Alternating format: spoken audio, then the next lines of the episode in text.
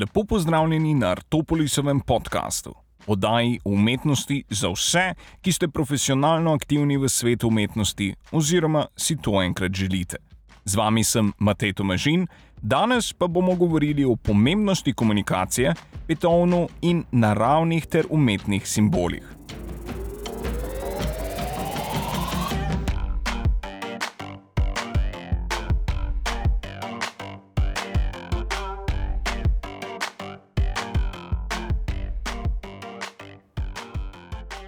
Če si pogledamo pojem komunikacije oziroma sporozumevanja, se ZKJ slednjega definira kot izmenjavo, posredovanje misli in ali informacij.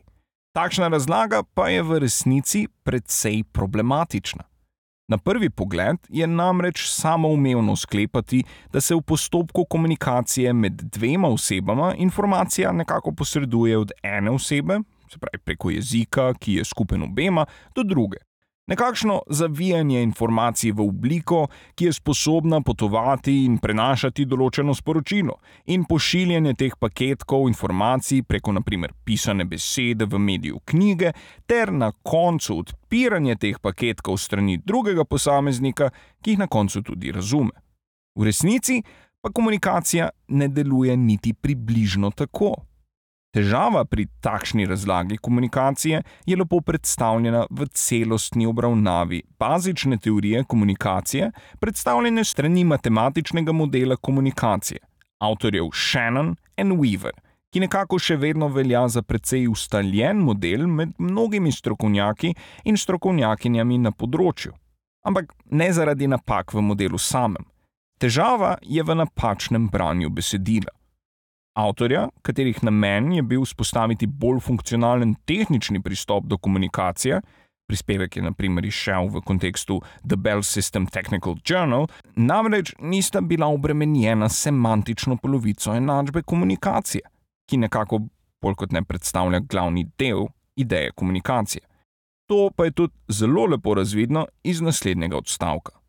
Zasnova informacij, ki so razvite v tej teoriji, na prvi pogled deluje razočarljiva in bizarna. Razočarljiva zato, ker nima nobene veze s pomenom. Tako kot Shannon in Weaver, se tudi umetniki in umetnice znajdemo pred podobno težavo. V svetu umetnosti nekako velja predpostavka, da besede, slike, glasbena dela in podobni načini komunikacije v sebi nosijo določeno sporočilnost. Pomislimo na pogosto slišano vprašanje: kaj pa to delo pomeni?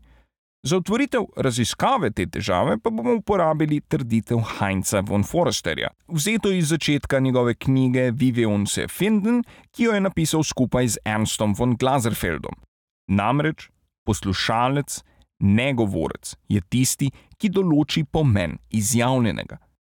Resničnost von Försterjeve teze je mogoče najlažje videti na primeru Beethovenove devete simfonije, Ode radosti. Tu mislimo zgolj glasbeno delo, se pravi brez originalnega besedila Friedricha Schillerja, le to pa zaradi zgodovine sprememb, ki so bile narejene z revizijo. Naprimer, berači bodo postali bratje vladarjev, je bilo spremenjeno v vsi ljudje bodo postali bratje. Takšne spremembe pa jasno saj historično gledano spremenijo kontekst dela samega.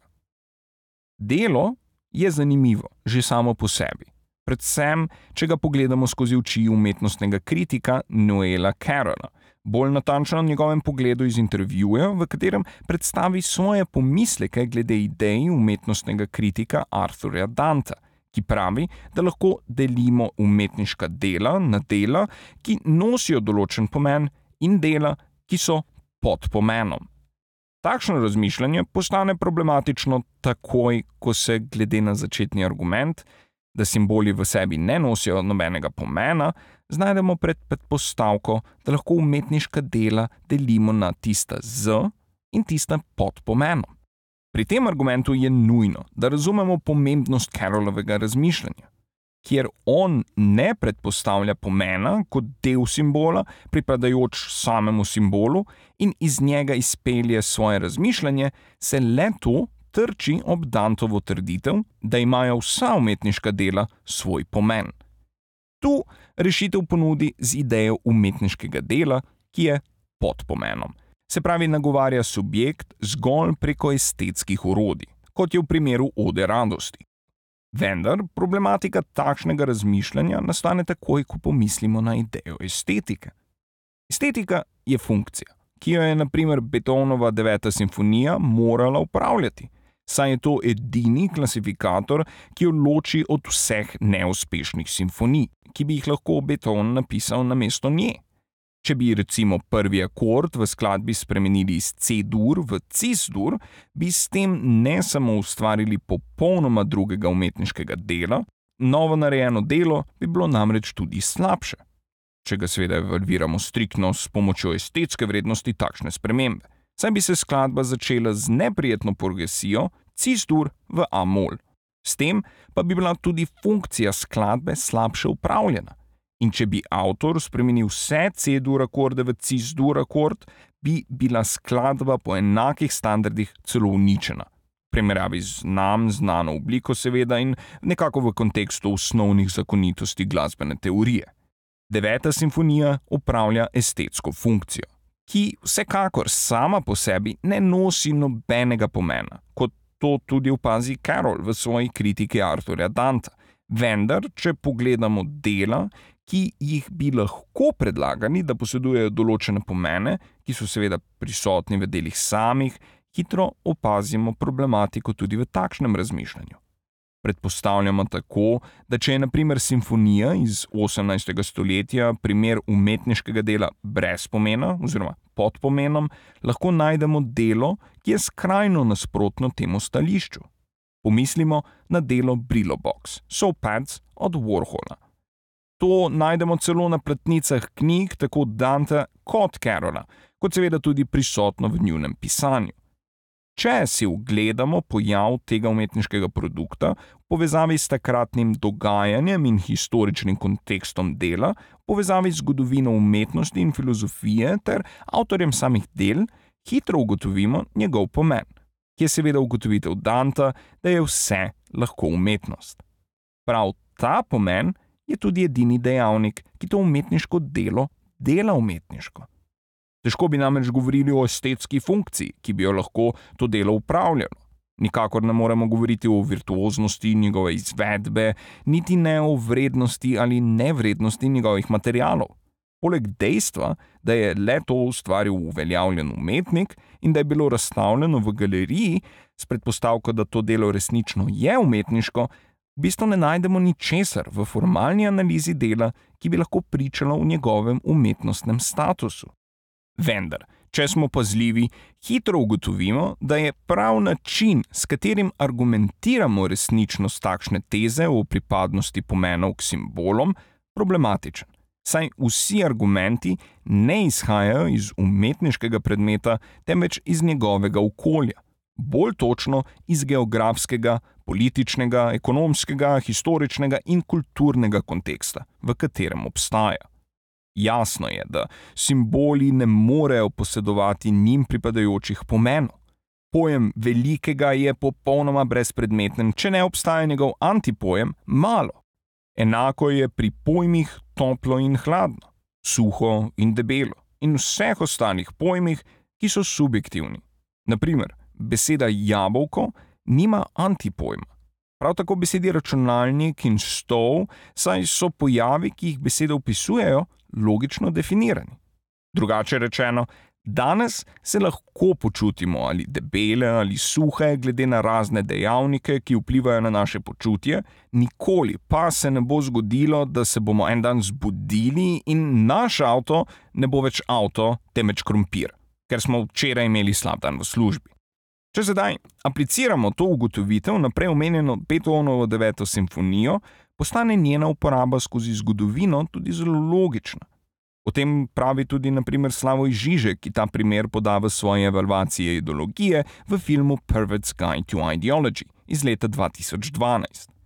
Žižek opisuje idejo simbola kot ideološko, čeprav je mogoče bolje, če le ta pojem v nadaljevanju zamenjamo s pojmom pomen oziroma pomensko, saj s tem izstopimo iz političnega konteksta v nekakšno ontološko raziskavo, Se pravi, splošno raziskavo, ki ni obremenjena s političnostjo ali drugimi pomeni, ki so mnogo bolj subjektivni. Lahko si v bistvu predstavljamo prazen vsebnik, katerega lahko kdorkoli, bodi si posameznik, skupina, družba, narod in tako dalje, napolni z določenim pomenom preko njegove uporabe v določenih kontekstih.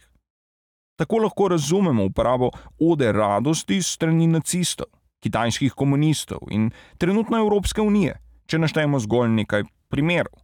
Leteh je seveda mnogo več, recimo od demonstrantov v Čilu med demonstracijami proti diktatorju Pinochetu, predvajanja skladbe strani kitajskih študentov na trgu nebeškega miru, koncert, ki ga je dirigiral Leonard Bernstein po pacu berlinskega zidu, do dajku koncertov na japonskem, ki jih prirejajo vsak december. Krščanski kontekst pesmi je bil celo eden glavnih razlogov, da je Nišerin Šošu budizem izobčil organizacijo Sokaga Kaj zaradi uporabe skladbe na njihovih sestankih. Skladbo je uporabljalo toliko si različnih skupin ljudi, da je v bistvu edina možna ugotovitev, hkrati tudi potrdilo naše teze. Funkcija komunikacije ni posredovanje pomenov saj se v resnici ne zgodi nobeno prehajanje, niti v fizični obliki, niti v kateri koli drugi obliki. Gre namreč za dejanje ustvarjanja kontekstov strani enega subjekta, v katerih in zgolj zaradi katerih drugi subjekt sam ustvari informacije, ki mu jih prvi skuša posredovati. Če ne bi bilo tako, skoraj nikoli ne bi prišlo do sporov med ljudmi, do nesporazumevanj oziroma do prepirov. Mislim, diplomatske službe, odnosi z javnostmi in ostala delovna mesta, katerih edina naloga je najti prave načine za komuniciranje z njihovo ciljno skupino, bi v bistvu preprosto izginili, saj jih nišče ne bi več potreboval. Vendar prav v kontekstih, v katerih se sporočila lahko komunicirajo, je največ sivin in nesporazumov. Enako, če ne celo najbolj očitno, pa je to v umetniškem svetu. Poglejmo si zdaj idejo umetnosti z in pod pomenom. Če samo rahlo spremenimo imena teh dveh pojmov in določen umetniški predmet razumemo kot simbol za nekaj, lahko opazimo dve različni obliki simbolov.